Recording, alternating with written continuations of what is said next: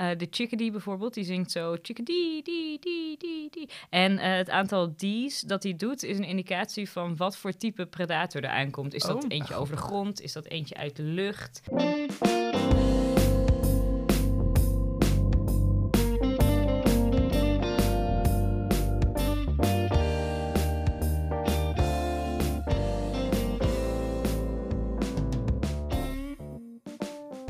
Bij de podcast Wetenschap op je gemak. Een podcast van de faculteit Wiskunde en Natuurwetenschappen van de Universiteit Leiden. Samen met een onderzoeker we een gemakkelijk antwoord op jouw prangende wetenschapsvragen. Mijn naam is Inge van Dijk. En ik ben Jordi Jansen. En vandaag beantwoorden wij de vraag: wat leren vogels ons over taal?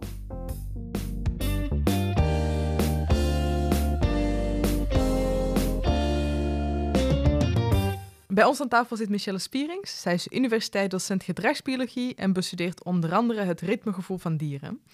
Uh, daarnaast is ze fervent vogelaar, waardoor ze ook vaak in de vroege uren in natuurgebieden te vinden is. Welkom, leuk dat je er bent. Dank je, dank je. Jij doet al enkele jaren onderzoek naar vogels, onder andere. Um, kan je ze ondertussen al verstaan? Kan ik ze verstaan? Ja, dat is een goede vraag. Nee, we verstaan ze niet, maar we komen natuurlijk wel steeds dichterbij dat we begrijpen waarom ze bepaalde geluiden maken, in welke context ze bepaalde geluiden maken en wat dat eventueel zou kunnen betekenen. En waarom is het zo interessant om uh, de taal van ja, dieren in het algemeen eigenlijk te onderzoeken? Nou, ik doe dit onderzoek een beetje vanuit het vraagstuk uh, hoe is menselijke taal ontstaan, evolutionair gezien? Okay. Want mensen hebben hele complexe spraak, we hebben ook muziek. En uh, we zijn een van de enige soorten bij wie de taal zo complex is. Andere soorten communiceren ook, maar met uh, menselijke spraak heeft en taal heeft heel veel regels, structuur, grammatica-regels, et cetera. En daarin is het vrij uniek. Maar de vraag is dus, oké, hoe zijn we hier ooit gekomen? Wat deden onze uh, voorouders? Uh, wat deden andere soorten? En, en wat waren nou de belangrijkste elementen van taal ooit? En om dat te onderzoeken probeer ik te kijken naar wat andere soorten kunnen. Mm -hmm. Want als er nou eigenschappen zijn die heel veel diersoorten hebben, die gerelateerd zijn aan taal, dan is dat een indicatie dat dat waarschijnlijk al heel oud is. Dus dat onze verre voorouders misschien uh, al heel erg muzikaal waren, of al ritmegevoel hadden, of al grammatica-patronen hadden, zoiets. Dus dat is de, de reden dat ik eigenlijk naar andere soorten kijk, is ook om iets meer te begrijpen over uh, waar onze taal nou vandaan Hm. komt. Want je zou kunnen zeggen dat wij de meest complexe taal hebben, of valt dat wel mee? Nou, zeker. Ja, ik denk, kijk, uh, dolfijnen bijvoorbeeld hebben een heel ander, ook heel mooi en complex communicatiesysteem.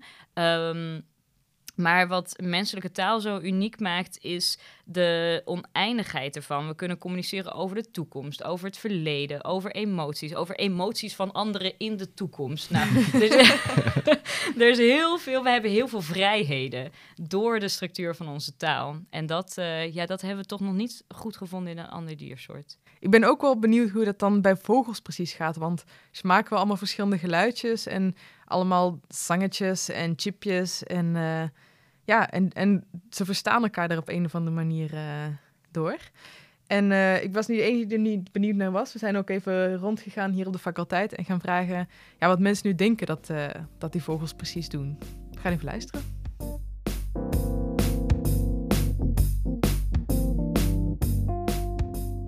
Ik denk dat vogels met elkaar zingen, uh, omdat het een manier voor hen is om te communiceren met elkaar. Ik denk dat vogels zingen omdat ze partners willen zoeken, als het ware. Communiceren over hun locatie, denk ik. Territorium afbakenen. Nou, dit was ongeveer wat uh, de studenten dachten. Dus uh, verschillende dingen. Paren, territorium afbakenen. Um, ja, gewoon communiceren in het algemeen dus eigenlijk. Mm -hmm. Klopt dat een beetje? Wat ze zeggen? Ja, dat klopt eigenlijk vrij goed. Ja, er zijn wel een aantal functies van uh, vogelzang. En uh, een hele duidelijke functie is inderdaad uh, partner aantrekken. Laten weten hoe fit je bent, hoe groot je bent, ja. waar je bent. En in de meer territoriale soorten, dat verschilt natuurlijk per vogelsoort, maar sommige soorten zijn heel territoriaal. En daar is zang een heel belangrijk onderdeel van het afbakenen van je territorium. Hm. Oh. Aan uh, een andere vogel laten weten, kom niet dichterbij, want ik ben ontzettend uh, groot en gezond en uh, ik jaag je weg. En interessant genoeg eh, door die zang eh, vermijden ze conflict ook beter. Oh. Omdat ze, ehm, ze eerst een strijd voeren, gewoon vocaal. En pas alleen als ze daar echt niet uit zouden komen, wordt het fysiek. Maar dat eh, gebeurt dus eigenlijk niet zo vaak. Ze vechten het eerst uit door zo'n complex mogelijk liedje te zingen, eh, zo luid Ja. mogelijk te zingen. Oh, grappig is dat. Ja. ja. Ja. En het is dus eigenlijk altijd wel praktische dingen van dit is mijn territorium of eh, ik zoek iemand om mee te paren. Het is, ja, het is niet dat ze, dat ze echt communiceren over ja, hoe het gaat of zo. Daar lijkt het in ieder geval lekker niet weertje. op. Nee. Ze communiceren, sommige soorten kunnen over predatoren communiceren die er aankomen. Eh, de chickadee bijvoorbeeld, die zingt zo chickadee, die, die, die, die. En eh, het aantal D's dat hij doet is een indicatie van wat voor type predator er aankomt. Is dat Oh. eentje over de grond? Is dat eentje uit de lucht? En eh, andere soorten die in dezelfde omgeving wonen, wat misschien eh, geen vogels zijn, die kunnen daar ook gebruik van maken. Van het liedje van de chickadee. En dan weten zij van, oh, er komt inderdaad een predator aan daar en daar. En dan, eh, dus op, dat, op, op die manier kan het wel heel informatief zijn. Maar inderdaad, ze zullen niet zo gauw praten over het weer. Ja, dus dit soort functies en, en eigenlijk karakteristieken van die, die taal van vogels, dat weet je dan nu. Maar hoe kom je daar eigenlijk achter? Hoe weet je dat wat ze zeggen? Nou, want je verstaat ze niet natuurlijk. Dus, eh, Nee. Nee, nee, theoretisch heb je natuurlijk geen idee. Maar wat je kan doen is. ehm, je kan bepaalde geluiden naar ze afspelen als je ze opneemt. En dan speel je bijvoorbeeld heel specifiek één type geluid af naar een groep. En dan kun je kijken wat er gebeurt. mhm. En soms is het heel duidelijk. Als je één geluid afspeelt, dan vliegen ze allemaal weg. Of je speelt een ander geluid af en ze gaan allemaal heel dicht bij elkaar zitten. Of ze gaan terugzingen. Nou, op die manier, door van die, dat noemen playback-experimenten... waarbij je, eh, jij laat iets horen en je kijkt hoe het dier erop reageert... kun je natuurlijk wel zien wat er dan gebeurt. Ja. Of andersom, je, je laat een predator komen of je laat iets gebeuren... en je kijkt hoe zij daarop reageren. Oh, wat voor geluid maken ze dan Oh, en dan vergelijk je dat geluid met wat, eh, wat met, wist. wat er gebeurd is.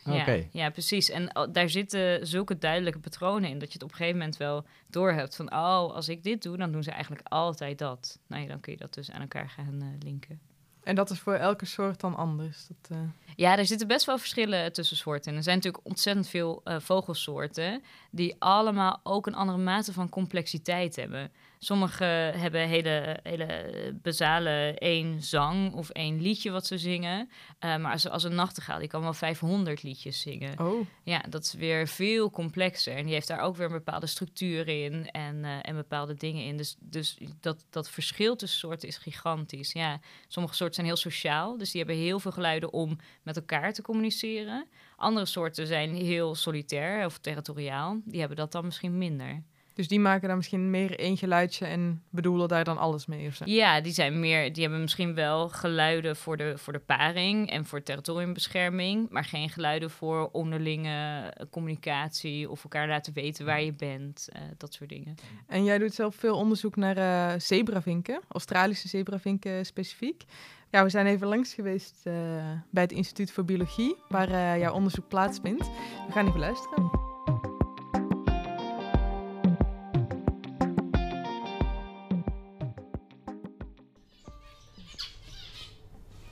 Je hoort een beetje zo'n, eh, ja, net zo'n soort hondenspeeltje-achtig eh, gekwetter. Zo, mur, mur, of zo. En, en soms een beetje zo'n zo'n riedeltje wat ze doen. Zijn het dat dan die verschillende geluiden waar je naar kijkt? Eh, nou, klopt. Ja, je hebt dus eh, wat we calls noemen. Dat doen de vrouwtjes en de mannetjes van dit soort allebei. Dat zijn die piepjes. Ja. En daarmee communiceren ze gewoon continu eh, waar ze zijn, et cetera. En wat je ook hoort, die langere riedeltjes, dat is het liedje. En dat doen in dit soort alleen de mannetjes. En die zingen dus inderdaad een klein melodietje. En dat doen ze een hele leven lang. En die vrouwtjes die reageren daar weer op. En die hebben daar ook bepaalde voorkeuren in, in die liedjes van die mannetjes. Ja. Oh ja, ja. En dat is altijd hetzelfde riedeltje dan dat te doen. Ja, bij dit soort wel. Ja, bij heel veel vogels die kunnen daar meer variatie in hebben. Zebravinken zijn er heel leuk in. Die leren in de eerste twee maanden van hun leven ongeveer leren ze één liedje. En dat is meestal een kopie van hun vader met wat invloeden van zichzelf of van de buren. En dat liedje zingen ze de rest van hun leven. En eh, doen jullie die experimenten ook hier, eh, met, eh, terwijl al die vogeltjes erbij zijn? Of is het, Niet alles. We doen een paar welzijnsexperimenten hier wel eens. Van of lichtcondities of bepaalde geluidscondities. of dat prettig voor ze is. Want we proberen natuurlijk altijd te zorgen dat hun situatie optimaal is. En dat ze zich zo goed mogelijk voelen. Eh, dus dat zijn type experimenten die je juist in zo'n grote groep go- goed kan doen. Oh ja. Ehm, maar de dingen die ik doe met eh, ritmeperceptie en taalperceptie, die doen we in aparte kooitjes. Waar ze in een eh, wat stillere omgeving zitten. Ja. Ehm, ja, ik ben eigenlijk wel benieuwd naar wat voor experiment je dan doet. met, Nou, dan gaan we daar ook even kijken. Ja.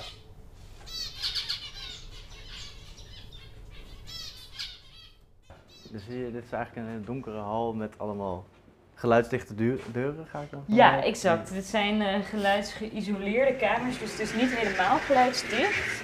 Je hebt ook echt eh, helemaal geluidsdicht, maar dat is natuurlijk te stressvol. Want dan zou je ook bijna jezelf, Oh ja. hoor je dan ook op een hele rare manier.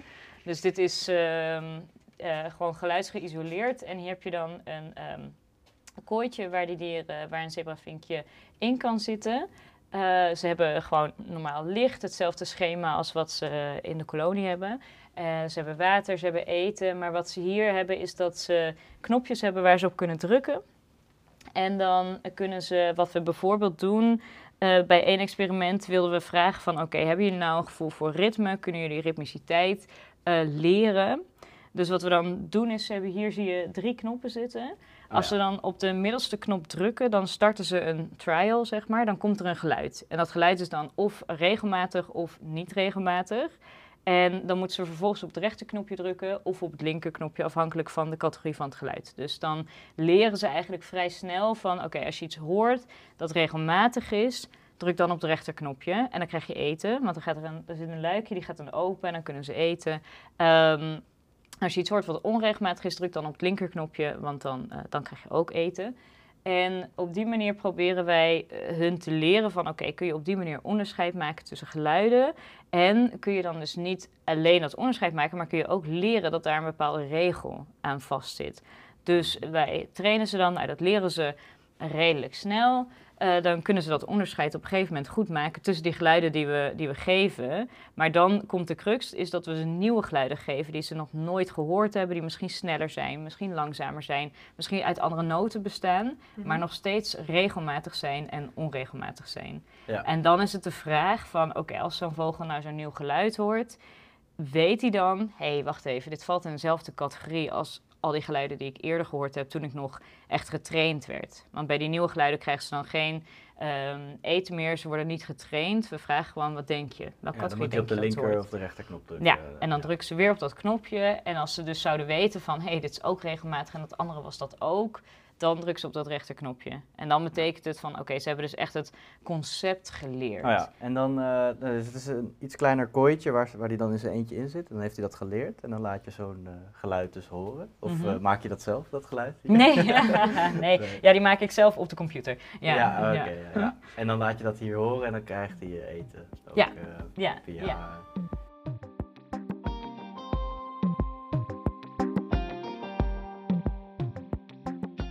Zo, dat is wel gemakkelijk dat eh zebravinken aan één deuntje kunnen horen of het eh, ja, een goede partner is eigenlijk. Het eh, was bij ons maar zo makkelijk. Ja, ja, het is een heel goed systeem, denk ik. Dat ze, sowieso is het prettig natuurlijk in de partnerkeuze. Dat het vrij duidelijk is, oké, wie zou je willen dat je partner is? Met wie eh match je goed? Wie zou een goede... eh zebravinks zijn heel sociaal, ook in het grootbrengen van hun jongen. Dat doen ze helemaal samen. Dus ze zorgen samen voor de eieren, ze zorgen samen voor de jongen. Dus je wil ook een goede partner hebben die niet alleen goede genen overdraagt, Mhm. maar die ook heel geschikt is om met jou eh, die eh, kleintjes groot te brengen. Ja, en jouw onderzoek is dan vooral eh, gefocust op die regelmaat en op dat ritme. Ehm, ja, waarom is dat zo interessant specifiek bij de zebravinken? Nou, sowieso is het interessant om onderzoek te doen naar, naar ritme, omdat ik veel vragen heb over, oké, waren wij nou eerst muzikaal of waren we eerst talig? Er zit heel veel ritme in taal. Komt, waar komt dat vandaan? Hè? En zien we dat dan ook in andere soorten? En toen ben ik een beetje bij de zebravinken begonnen, omdat die een heel gestructureerd liedje hebben. Dus ik zit ook veel in dat liedje te kijken van... oké, zitten hier bepaalde eh, temporale, regelmatige patronen in die ze maken? En wat zebravinken interessant doen... is dat die jongen leren het liedje van hun vader. En dat is voornamelijk hun vader... maar er zitten wat hè, input uit hunzelf... of van andere mannetjes uit de omgeving in... Ehm, en dan kijk er ook naar van, oké, als je dat nou leert, leer je dan dat ritme ook goed? Is dat iets wat voor eh, andere soorten, in dit geval voor zebravinken, dus heel belangrijk is? Of er een bepaalde regelmaat is. En, Oh ja. ehm, Dus als je zegt dat ze het leren van hun, van hun vader voornamelijk, dan, dan is het dus zowel melodie als ritme, komt het overeen? Of zijn er bepaalde aspecten van die Ja. vooral meenemen? Nee, nee, in principe leren ze alles. Dus je hebt de, ja, wat je noten kan noemen, die verschillende, die verschillende noten die ze achter elkaar zingen. Eh, daar nemen ze de volgorde van over. Ze nemen ook Oh ja. die noten dus eh, redelijk hetzelfde over. Al zit er natuurlijk wel af en toe een ja, foutje of een verandering in, een wijziging in. Ja, en ze nemen dus ook inderdaad de, de, de structuur over. Oh ja. Ja. Eh, denk je dat vogels dus ritmegevoel hebben? Ik weet dat zebravinken niet per se ritmegevoel hebben. Oh, oké. Nee. Want dat heb ik ook onderzocht. Ja. En eh, daarbij gingen we dus onderscheid laten maken tussen regelmatig en onregelmatig. En dan met nieuwe geluiden. En waar zebravinken ontzettend goed in zijn, is het leren van de exacte eh, tijdsafstand tussen twee noten. Zij weten, oh ja, dit is 200 milliseconden. Mhm. En de volgende is eh 250 milliseconden. Dat verschil horen zij perfect. En dat kunnen zij ook heel goed onthouden. Het is eigenlijk een shortcut. Dus dan, je, wil, heel- je wil eigenlijk weten of ze het echt begrijpen, het ritme, maar dat... eh, Ja, ja ze, weten dat, eh, ze weten dat op, de, op het detail op te lossen. Ja. Ja, we gingen ook eens vragen aan mensen hier op de faculteit of ze denken dat dieren in het algemeen eh, ritmegevoel hebben. En daar kwamen we leuke antwoorden uit, dus we gaan weer even luisteren.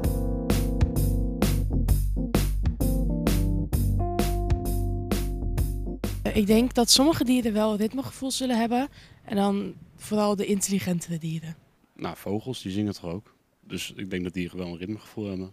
Als je bijvoorbeeld naar een merel luistert die fluit of zo. Mij lijkt het vrij sterk dat zij muziek zo ervaren, omdat zij het niet per se zullen herkennen als muziek. Ik zag een voorbeeld een keer, een filmpje, en dan zag ik dieren letterlijk, eh, was muziekverandering, en dan zag ik dat ze daar ook op reageerden. Nou ja, volgens hun eh, zijn, er, zijn er toch een paar eh, mensen die denken dat eh, dieren wel een ritmegevoel hebben. Vooral omdat ze dan dachten ook aan het zingen van vogels. En, Ja, en wat bewegen op, eh, op muziek. Wat Ja, je dus ja. ziet bij sommige huisdieren. Het, het internet staat vol van die schattige filmpjes. ja, nou ja, grappig. eh, ja, ik zei net dat zebravinken geen eh, ritmegevoel lijken te hebben. Maar dat geldt niet voor andere vogels. Zo is er eh, een heel beroemd voorbeeld van een kakatoe... die eh, op zo'n filmpje meedanst met de muziek. Mhm. Eh, die heet Snowball. En de eerste keer dat dat filmpje kwam, dacht iedereen, oh interessant. Maar toen zag je in de schaduw de persoon achter de camera ook dansen. oh. En toen zei iedereen, ja, eh, danst die vogel mee met de muziek? Of kopieert hij gewoon het gedrag van dat mens wat daar staat? Maar eh, nou, iedereen dacht, nee, het is toch een interessante vogel. Dus er is meer onderzoek gedaan met Snowball specifiek. En eh, in een meer gecontroleerde setting en verschillende ritmes. En toen bleek wel dat hij dus inderdaad, als de muziek sneller gaat, gaat hij sneller bewegen. Als de muziek langzamer gaat, gaat hij langzamer. En hij co- coördineert zijn bewegingen echt met de beat van de muziek. Oh ja. Ja, dus dat was wel een mooi voorbeeld. En dat zien we nu dus ook in meer papegaaiachtige wel eh, gebeuren. Dat ze niet alleen gevoelig zijn voor ritme, maar dat ze ook, dat noemen we rhythmic entrainment hebben. Dus dat ze hun bewegingen aanpassen op de muziek. Oké, ja, ja. Nou, wat Ja. cool. En eh, nou, je, je doet dus ook onderzoek op andere vogels of andere dieren zelfs, om eh, naar dit ritmegevoel en zo te kijken? Ja, zeker. Ja, ik doe dus ook onderzoek naar parkieten. Dat is een eh papegaaisoort. Vanwege dat idee dat papegaaien er misschien wel eh, beter in zijn dan zangvogels. Ehm, en ik probeer naar eh, apensoorten te kijken. En dat is heel interessant, want mensen en apen staan natuurlijk evolutionair gezien heel dicht bij elkaar. Mhm. Maar dit soort muzikale eigenschappen vinden we amper in, in apensoorten, andere Hm. apen dan, dan mensen. Ehm, wat gek is, als je het dan wel weer in vogels vindt en je vindt het in mensen, maar je vindt het niet in andere apensoorten. Dan, eh, ja, dus dat maakt het wel boeiend. Dus ik kijk bijvoorbeeld bij eh orang-oetangs of ze een voorkeur hebben voor geluiden die meer regelmaat hebben of minder regelmaat. Gewoon in hun eigen natuurlijke geluiden. Ja, want dat is eigenlijk wel gek. Je hoort eh, bijvoorbeeld een, een aap nooit zingen. Of iets.